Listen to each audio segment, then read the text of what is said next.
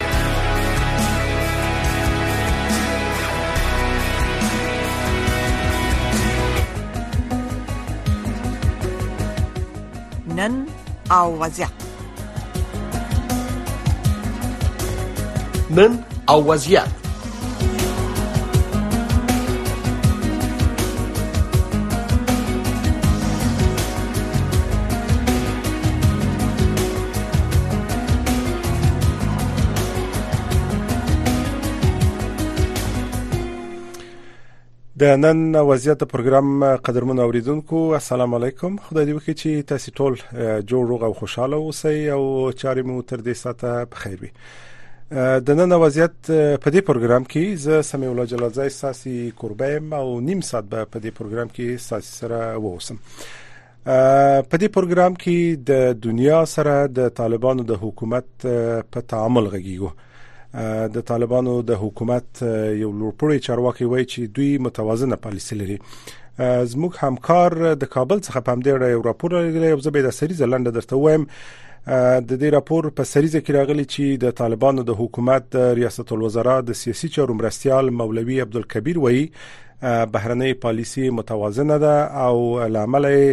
د نړۍ له خوا د طالبانو د حکومت کڅه هم په رسمیت نه دی پیژندل شوی اما اوس مهال په ولسو هیوادونو کې د طالبانو دیپلوماټان کار کوي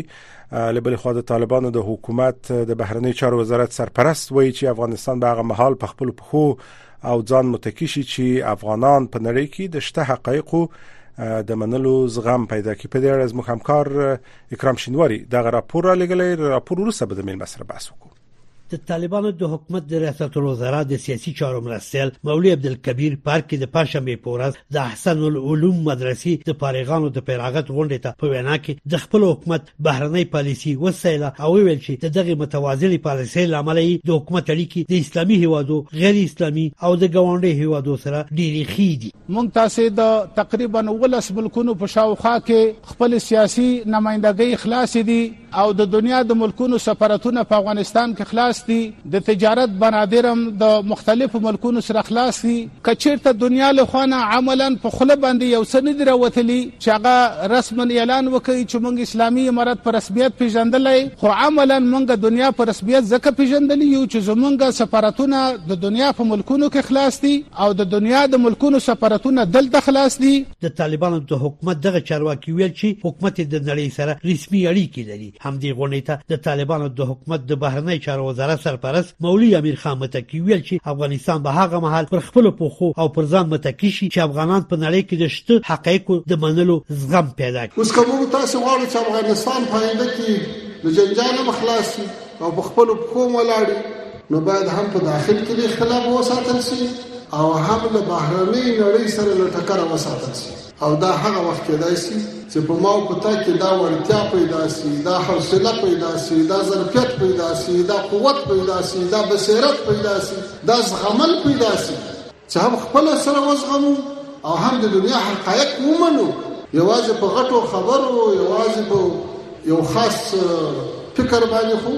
د دومره غټو غټو فتنو مخه نه نیول کیږي ښاغلي متقي دا وکړه چې د طالبانو پر خلاف د نړۍ ټول پیکرونه غلط ثابت شو چې فکر کوو طالبان حکومت نشي کولای هغه ویل چې د طالبانو حکومت په سیمه کې د ټولو هیوادو سره خي اړیکی ساتلې دي د طالبانو د حکومت دغه چارواکو د سیمه او ګاونډي هیوادو سره د خو اړیکو د لرلو او پاللو په اړه دا ادعا په داسې حال کې کړې چې پاکستان افغانستان سره د 15 سرحدي لارو سلوري تړلي او یوازې یوې پرانیستې پرېخي د چمن سپین بولدک په لار د تیرو درې میاشتو راهیسې ترانزیټي مالونو تګ راتګ بند شوی او د تورخم په لار د تیرو اوو ورځو راهیسې هم د ترانزیټي مالونو د موټرو تګ راتګ بند شوی دی د پاکستان د بهرنی چارو وزارت ویاندې ممتاز زهره بلوڅ د پنځشنبې په ورځ اسلام آباد کې خبريالانو ته ویل چې د تورخم لار پاکستان ته د افغانانو د سفر پر مهال د پاسپورت او ویزې د لارورو د پالیسۍ تطبیق لامل تړل شوې ده میرمن بلوچ ویل چې هیله لري چې افغان ګاونډیان کله چې پاکستان ته سفر کوي د معتبرو اسنادو اهمیت درک کړي پاکستان حکومت د تیرې شنبې د ورځې راهیسې د تورخم سرحدي لار د ترانزیټي مالونو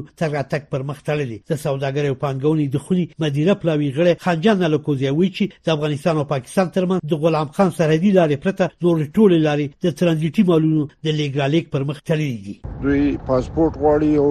ویزه غواړي او هغه افغاني دغه ډرایورانو سره نشته دی او پاسپورتونه مشکلات دي بولدک لار خلکو بنده کړی ده نو په مکمل ډول اوس تر حد غلام خان په لار یو څه موټر زی راځي مګر په زورونو موټر ولاړ دي او هم پاکستان ته د ورځې په لکونو ډالر تاوان رسیدي هم مونږ ته میوه خرابېږي مواد خرابېږي بل دا چې مونږ کانټینر دی باید لاړ شي بیرته کراچۍ ته شپینګ کمپنۍ ډیمرجو ډیټینشن هم راځي تورخم کې د طالبانو چارواکي وایي چې تر اوسه دغه لارې د بیرته خلاصېدو لپاره خبرو کومه نتیجه نه ده ورکړې تاسو د دنیا سره د تعامل په اړه د طالبانو د چارواکو څرګندونې واوریدې لکه څنګه چې ما د خبرونې په پیل کې وویل د نن وضعیت په دې پروګرام کې پام دی بحث کو چې آیا د طالبانو اوسنۍ پالیسیګانې به د رسمیت پیژندلو لپاره لار پرانیزي کنه دنیا هم خپل غوښتنې لري او طالبان د نړۍ د خوا د رسمیت پیژندلو هڅه کوي لنډه کمرغه په دې پروګرام کې مو د سیاسي او پوځي چارو شنونکي احمد خان اندر صاحب ته بلنه ورکړې اندر صاحب لنډه کمرغه موږ سره په پروګرام کې ستا اندر صاحب په خیر غلس پروګرام ته بسم الله الرحمن الرحیم مننه کوم خغلی جلال زید صاحب اول تاسو بیا د تاسو د رادیو اوریدونکو ته سلامونه او نیک هیله وړاندې کوم ډیره مننه تاسو هم بخیر اوسئ تشکر اندر صاحب کور مو ودان چې د بوختو ورځو سره سره موږ ته فرصت را کړ د پروګرام اندر صاحب د طالبانو چارواکو یا ور بیا نن ویل دي چې دوی متوازنه پالیسی لري او که څه هم د دنیا د خوا په رسمیت نه دی پیژندل شوی اما په ولسو هیوادونو کې دوی ډیپلوماټان لري او الته سیاسي چاري په مخ ځي زه غواړم اوله پوښتنه داسې مطرح کوم چې تاسو په مجموع کې دغه په تیر څه باندې دوو کلونو کې د دنیا سره د تعامل په برخه کې د طالبانو د حکومت پالیسیګانی څه ډول ارزوي ظاهرا خو په رسمي ډول طالبان په رسمیت نه دي پیژندل شوی او د دنیا عمده غوښتنې هم پر ځای دي اما په یو شکل تعامل موجود دی تاسو په مجموع کې د دنیا سره د طالبان روابط څنګه ارزوي مننه کوم لمړی خو باید دا وایم چې طالبانو شل کله د امریکا په مقابل کې جګړه وکړه او په تیر جمهوریت کې دومره ناخوالې وي دومره ستونزې وي چې بل اخره فکر کوم هغه امریکایانو او د ناتو غړي وادونم د هغو داړماران نه چې په جمهوریت کې ځینی ځینی حاکم او دغه سره په ستونزو کې سو له طالبان سره مذاکرات شروع کړو یعنی طالبان راتګ هم د دوی خپل مبارزه او هم د امریکایانو د مذاکراتو له طریقه چې په قطر کې اجرا کړل په دونیم کلمه کې واک ته ورسېدل او دا یو ستر حقیقت ده چې په افغانستان کې کوم امنیت چې دوی له حکومت سره تامین سو په دې 1500 کلونو کې نو خو امنیت د ټولو ستونزو د هیواد د وګړو د ښېګڼو د نورو پرستایي پرمختګونو لپاره یو مور بلل شو دا ډیره ښه خبره ده مګر دا ښکاری چې طالبانو هغه د دوه تړون چې د امریکایانو سره امضا کړی سه پټ سه روښانه د افغانستان خلکو ته خو په هر حال په غکر یو موقتی ادارې او هغه پخوانی ځینې حقوقي بنسټونه اساسي قانون او د وسوال پوز شتون پکې و دا ټول خبر دي په دې دونیمو کلو کې په افغانستان باندې سیاسي تحریمونه اقتصادي تحریمونه ذکر دي چې دوی ونشي کړای د نړیوالې ټولنې سره سیاسي تعامل وکړي او د ملګر ملتونو د منشور قوانینو او قواعدو برخلاف د ټولنې نیمه برخه چې زموږ خويندې او مېندې دي د حقوق د خپل موقتی فرمانونو په اساس د دونیم کال کې چې سلب کړی دي په دې کې نړۍ له دوی سره سیاسي تعامل نشکولې په داسې حالت کې او کومه ادا چې دوی کوي د زینو یوادونو سره وایي چې نن ما ورته د کاغلی سیاسي مرستل د ریاست الوزرا چې ولا سیوادو کې زموږ استازولۍ شتون لري ګوري هغه یوادونه ستونزې لري ډیر ماجرین ورغلي افغانان دي قنصلي تجارتي بل خپل سیاسي استخباراتي ستراتیژیک اهداف هم لري ولې اعلان نشي کولای ولې رسټ نه پیژندل ځکه دلته په دوحه کې په هغه تړون چې امریکا نه طالبان سره امضا کړی چین روسیه ملګرو ملتونو او ځینې نور هیوادونو د ضمانت په رقم سره الته امضا کړې ده او دا یو تعهد ده هیڅ هیواد به نشي کړی چې په دغه حالت کې چې د ملګرو ملتونو قوانين په حکومت کې زه په ځای سیمه چې هغه ټول اسلامي هوادونه منلي دي چې دا چې حکومت پر رسمیت پیژني او بل مهمه خبره خغله جلازه سردار چې طالبان ولې هڅې کوي چې ځان په رسمیت وپیژني؟ ولې د افغانستان خلکو نه مشروعیت نه اخلي؟ اساسي قانون نه لرو، کار اهل کار ته نه دی سپارل شوی، د ښځو د نجونو ښوونځي پوهنتونونه په مختلفو بهانو بند کړي چې په هیڅ اسلامي هیواد کې بند نه دي او افغانان اوس په یو بل وخت کې افغانان د خپل بچانو تعلیم ته غواړي ډېری افغانانو د خپل نجونو د اولادو په خاطر باندې هجرتونه وکړل له ستون سره مخامخ دي پاکستان کې د ورکیږي په هند کې په ترکیه کې په لارو روان دي ډېر مایانو وبو خړل وبو یوړل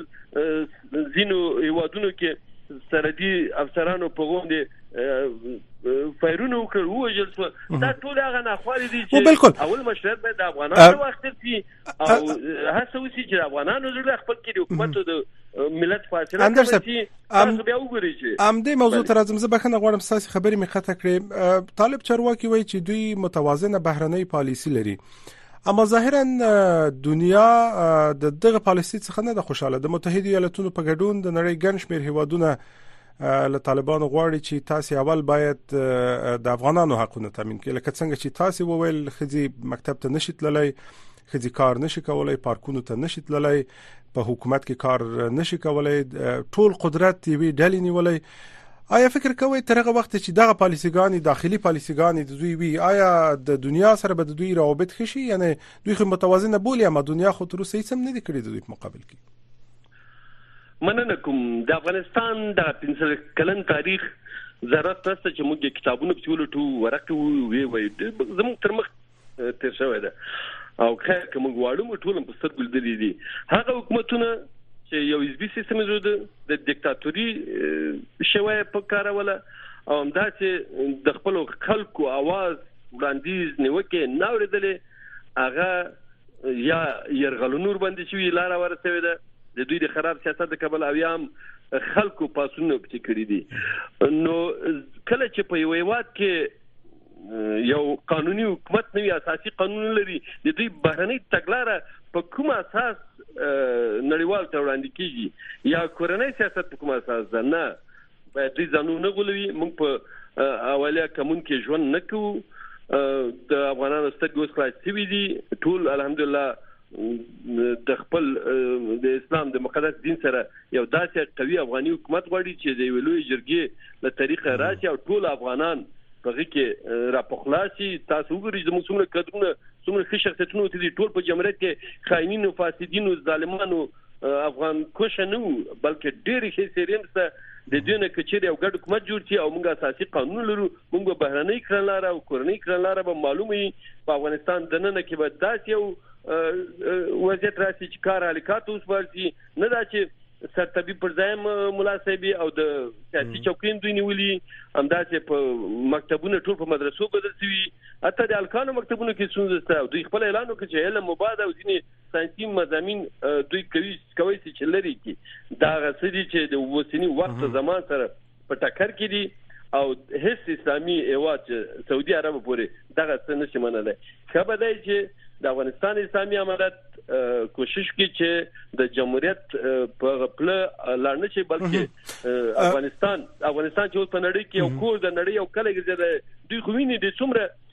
تخنیک او ټکنالوژي د صنعت نه چې استفاده کوي لکه موبایل کمپیوټر سلاوي موټر ژوند کورونه هغه اسایش کوي دا ټول علم نه مخکې راغلي دي او دا چې هر افغان غواړي ژوند وکړي معاش ولري او د نړۍ سیاسي اقتصادي ډیپلوماټیک دي اندر صاحب د موضوع تر ازم اوس دغه په سیمه کې کوم تاسو وضعیت ته وګورو په سیمه کې وضعیت خنه ده په منځني ختیځ کې جنجال روان دی د اسرایل او حماس ترمنځ د دې اوس د پاکستان او ایران ترمنځ هم جنجال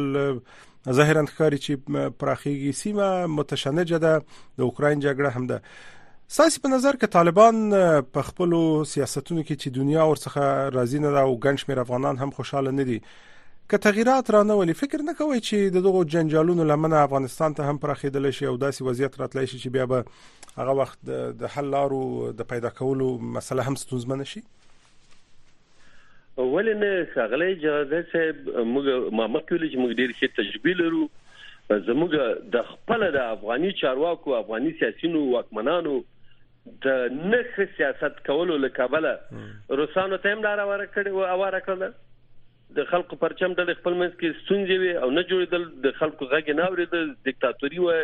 پردی ایدلوژي تطبیقوله روسانو هم دغه تناستو عملی وکړلې همداسې د طالبانو لومړی اسلامي امارت هم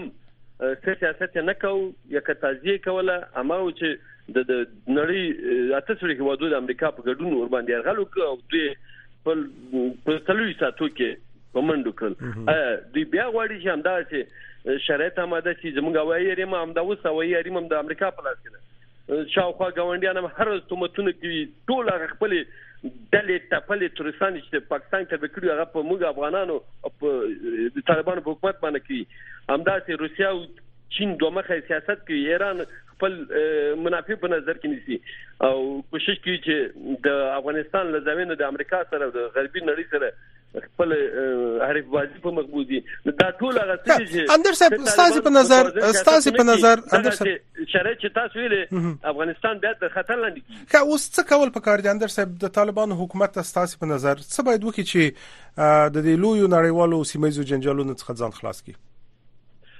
موږ د حکومتونو ړنګول نه غواړو موږ تجربه لرو چې هر حکومت موږ لکړای پکمانیم کړی ده خو طالبان دې دا فکر نه کوي چې ممزرما ټولې دي ما د ویلو جرګې اعلان چې په کې ټولې خواوې موږ ډېر ښه شخصیتونه ټولې خواوې راځي او د خپل واد او ځکني بشپړتیا راتلونکي وټاکي یو داسې حکومت جوړ شي چې ټول هغه قشرونه او ځینې تنظیمونه او هغه افغانان چې بهر ته د ورسې دوی د اتک تللی دي یا مخکې تللی دي دا ټول ورچی د یو کتولي پاینه کې ځان وګوري او نور تاسو به بیا وګورئ چې ملي اواله ملي وحدت د افغانانو ترمنځ دلته اعلان شي په لوجر کې یو حکومت اعلان شي اساسي قانون مخکنی هم لرو مخکې ټول کفري قوانين وو او یا نوې جوړ کی دغه ټول سنځي اداګانې داوی تومتونه د نړیوالو نیوکه دا ټول ورکیږي په هغه شرط چې د حقوق ادبا هم ورکی دي خزو حقوق ورکی دا خزه نه پیګم چې ولې دومره ګناګار را موږ ټول دغه نه پیدا یو موږ د ژوند ملګری را موږ اولادونه دي موږ ته د دوی سره په جهاد کې ډېری مرستې کوي ډوډۍ پکړې دي کونډې سوي دي یتیمان لري ډیر زحمتونه ویستلي دوی لپاره باید موږ دې خدمتونه وکړو برعکس د ټول دغه د دوه درې ځلو حتی د مجاهدینو د حکومتونو ټول هغه سیستم د خځې په حقوق را چرخېده چې هغه ضدیت کوو همداسې طالبان لومړی دوره په جمهوریت کې ډېرې ناخوالې لکه څه چې زموږ په ملونو خوندې ضرورت سوي هجرت کړی دی کونډې سوي دي د هغوی حقوق چا نه دي ورکړي همداسې فرخنده د کابل په ښار کې چې امریکایان هم موجود او د جمهوریت هم ځان ته ویلې وسوځول سره هیڅ چا پوښتنه ونه کړه نو د ښځې سره دوی ناروا مخکې تللی دي او دا باید پوسی چې دا د دوی حق ده موږ غواړو چې خپل وادم ډیر ورسوي لکه د خويندو د ورونو په شان بیا رغونې وکړو جوړ کړو تاسو وګورئ چې د خزو کار ته په هر برخه کې اړتیا سته آیا دا طالبان غواړي یا نور افغانان کدا چې فکر لري غواړي چې پراتونکو او دا زمونږ خويندې به ټول پاکستان او هندستان او ایران ته تداوی ته رواني موږ به هیڅ خپل خو ډاکټر او انجنیر او اندر صاحب نرس ونلرو معلم ونلرو قاضي ونلرو په بانک کې زما یو خور چې نارینه ته ودرېږي په بانکي سیستم کې یو خور ته ودرېږي دا هغه سړي چې دا دوی نشي کولای اخر به دا ستونزې به دومره ډېرې شي وای په دنګ به تنګ به جنګ ولس به مقابل کې د دې تروسه پورې خو ولس همداسې منتظر ده چې اندر صاحب همدې موضوعات ته راځو اجازه راکړئ زه دغه څو پوښتنې لرم چې وخت لس دقیقې نور پاتې دی د ټولي و پوښتمه طالبان وایي چې په ولسو هیوادونو کې د ډیپلوماټان لري او روابط شته د هیوادونو سره دغه روابط تاسو څه ډول ارزوي دا سه هم ویل کیږي چې یو شمیر دغه هیوادونه خپل د افغانستان څخه په افغانستان کې د ترهګرو ډلو لشتون څخه اندېښنه لري او په امدې خاطر د طالبانو د حکومت سره روابط ساتلي دي اما ځینې بیا موږ تاسو وینو د چین په شان په افغانستان کې سرمایه گذاري هم څه ناڅه کوي دغه روابط او تعامل چې اوس موجود دی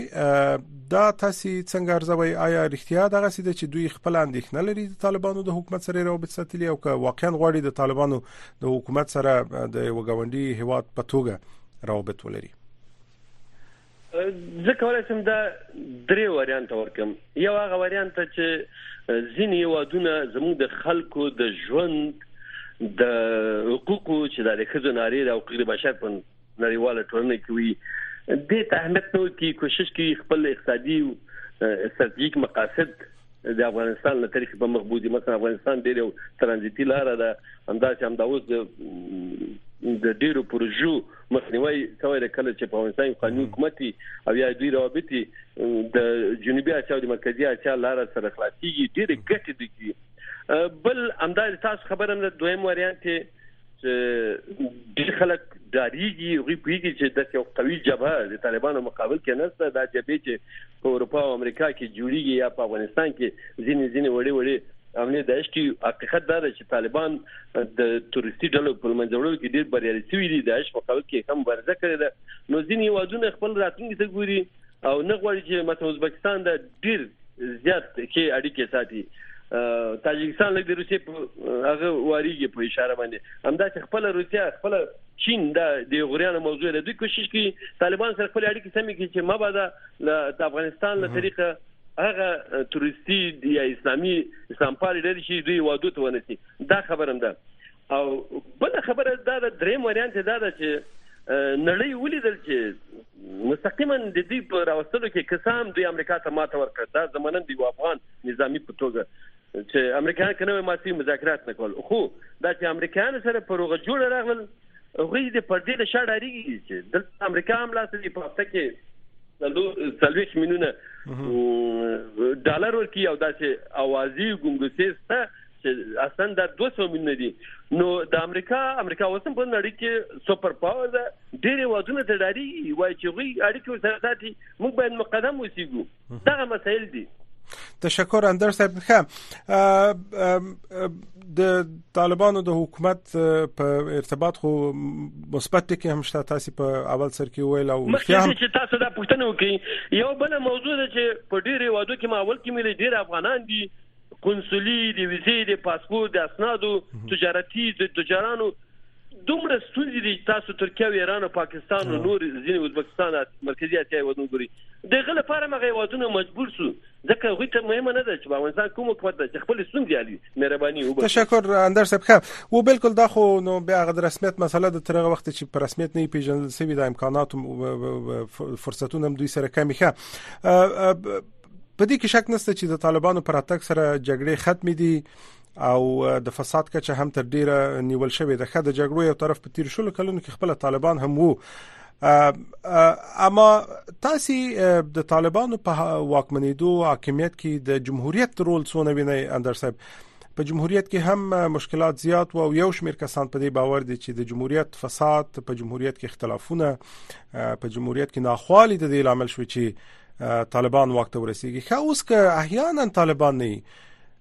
جمهوریت یا جمهوریت ورته نسخه د افغانستان مشکلات هوارول شي ساس په نظر جمهوریت خو یو ډیر ښه حکومتي سیستم ده چې زموږ په گاونډوي کې په نړۍ کې ډیر مثبت رول ادا کړی دی خلکو حقوق پیدا کیږي خلک ډیر پرمختګونه کړی دي لبا د مرغه چې حتی د داود خان جمهوریت هم چې کودتا په خپل د اکا په زیو کړ ظاهر شاه هغه یو حزبي سیستم یو حزب په نوم د غورځنګ ملي اعلان ادر سبزه بخنه غواړم جمهوریت زما هدف دغه د 13 شلو کلونو جمهوریت او د تیر راځم دي ته یعنی معنا دا چې په افغانستان کې د جمهوریتونه موږ ته پردوی راوړي دي یا روسان راوړي یا امریکایان راوړي دي او دا جمهوریت چې په خپل په هیواد کې د خلکو منځ کې را پوخ نسی را اقدام نسی یو جمهوریت نظام را نسی دا بنو دا سیله کړه شل کاله چې د جمهوریت په معنا په هغه دیموکراسي په معنا ډېر کم خلک پیدل او غزینې چې پیدل هغه داسې خلک په دې شلو کلو کې واټ ورسېل چې سوا ستایم ټیټه د جمهوریت په معنا نه پیدل یوازې خپل شخصي منافع په پام کې نیولې ملي منافعو دي خلکو لپاره کار نه کوي هغه پیسې چې نړیوال ټولنې امریکایانو ډیر زحمت ویسته دي ډیر قوي او دوه نه مصرف څو اردو جوړ کړل مګر اردو دوی کوشش کوي تنظیمي کړل په چوکوي باندې جګړې وي انتخابات ټول جالب وو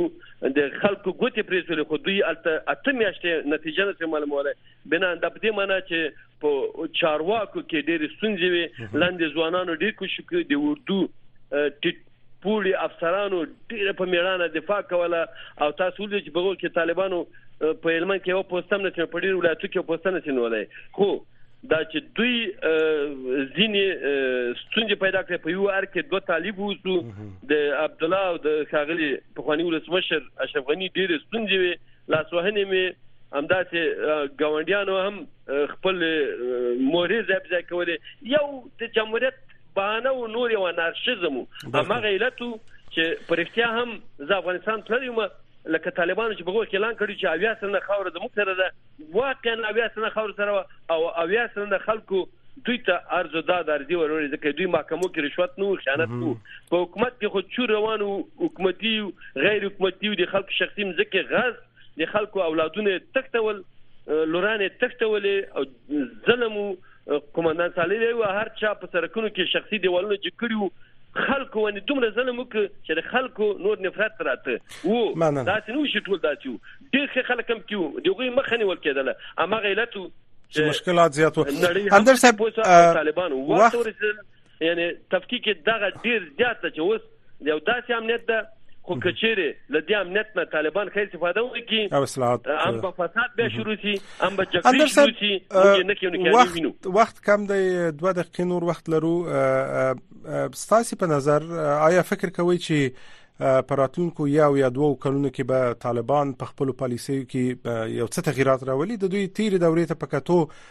خو نه خځې کار ته پرې خودل شو او نه مکتبونه خلاص شول آیا فکر کوي چې دغه نړیوال فشارونه چې اوس په هر اندازه دي دغه فشارونه به د دې لامل شي چې طالبان مجبور کې بل اخره د خځو حقونه ورکړي او د مکتب دروازې ورته خلاصې کړي دا امیدواري تاسو وینئ نړۍ موږ ولیدل نړۍ له موږ سره افغانان سره دي دا وضعیت د افغانستان وسنۍ چې په دغه د نړیوالو ځینې زبرځواکونو لاس ده په خپل افغانان باید سره ملي والو کې او په طالبانو کې ځینی چارواکي لکه ښاغلی خلیفه صاحب سرجن قانی ښاغلی عباس تانکزی چې په بربند ډول په خپل مشرانو نیوکې کړې دي او ویل چې افغانستان حکومتولي مدرسه نه ده دلته باید ټول کې راکېږي او ډېر قوي ښه حکومت ولري چې خلک خوشاله وي د حکومت د ملت فاصله ډیر نه سي او داسې عباس تنګزي چې د جنو تعلیم وی خو د چې هیڅ نو بهانه نشته او دا به شروع شي د افغانانو حق ده زموږ ایواز وران شوی زموږ خويندې دا حق لري چې د کډورونو په شان باندې کار وکړي کچېری دوی خپل د اقدام نه کی زه باور نه لرم چې دا یو کال کوم تغیرات راشي ځکه د افغانستان خلک کوم له جګړې ستړي دي او بل وضعیت دومره خراب ده چې ډیر خلک په تخته کې دي تاسو وګورئ چې د فلسطین لپاره مظاهره وکړه خو د خپل اولادو د تعلیم لپاره دوی یو مظاهره نه کولای او بل د مشکلات لاندې دي موږ ته خبرې کوو دا څنګه دي چې طالبان نو کې ټول بس داسې لکه دا چارواکي چې خبرې کوي په په ولسوالو ولایتو کې ځینې زورونې کې خلک دادیږي ول کېږي هغه ځینې میډیا ته راوځي ځینې نه وځي او خپل پټي ما خو نه دي چې په د دونی مکلو کې کوم ولسوالۍ ولایتو کې زه ډېر خبره ما چې کوم خلک د ورورتي ولتي وجستي او د اسلامي امارت د خپل یو لوړپوړي چارواک ته یا زندان ورکی اپسی کې او یا هم راوځړوي اعدام کی دا خو چاونه لیدل خو عام خلک داس کیږي زورونه است خلک داریږي خلک څوکي او د امریکا د امریکا چل ولې مولې دي د روسانو نه لیدل تشکر مجبور دي تشکر اندر صاحب لبد مرغه وخت د پروګرام کم دی او خبرې زیاتې ډیره زیاته مننه کوم چې په دې پروګرام کې مو برخه واخیسته او خپل نظریات مو شریک کړل تشکر اندر صاحب ډیره مننه تاسو نن چې موږ ته موافق کړل چې خپل خلکو او د خپل هوا لپاره आवाज لوړ کور مودان د نن وضعیت د پروګرام قدرمن اوریدونکو زموږ د خبرونه هم ته پاتې رسیدي اما بل خبرونه ستاسو غږ ده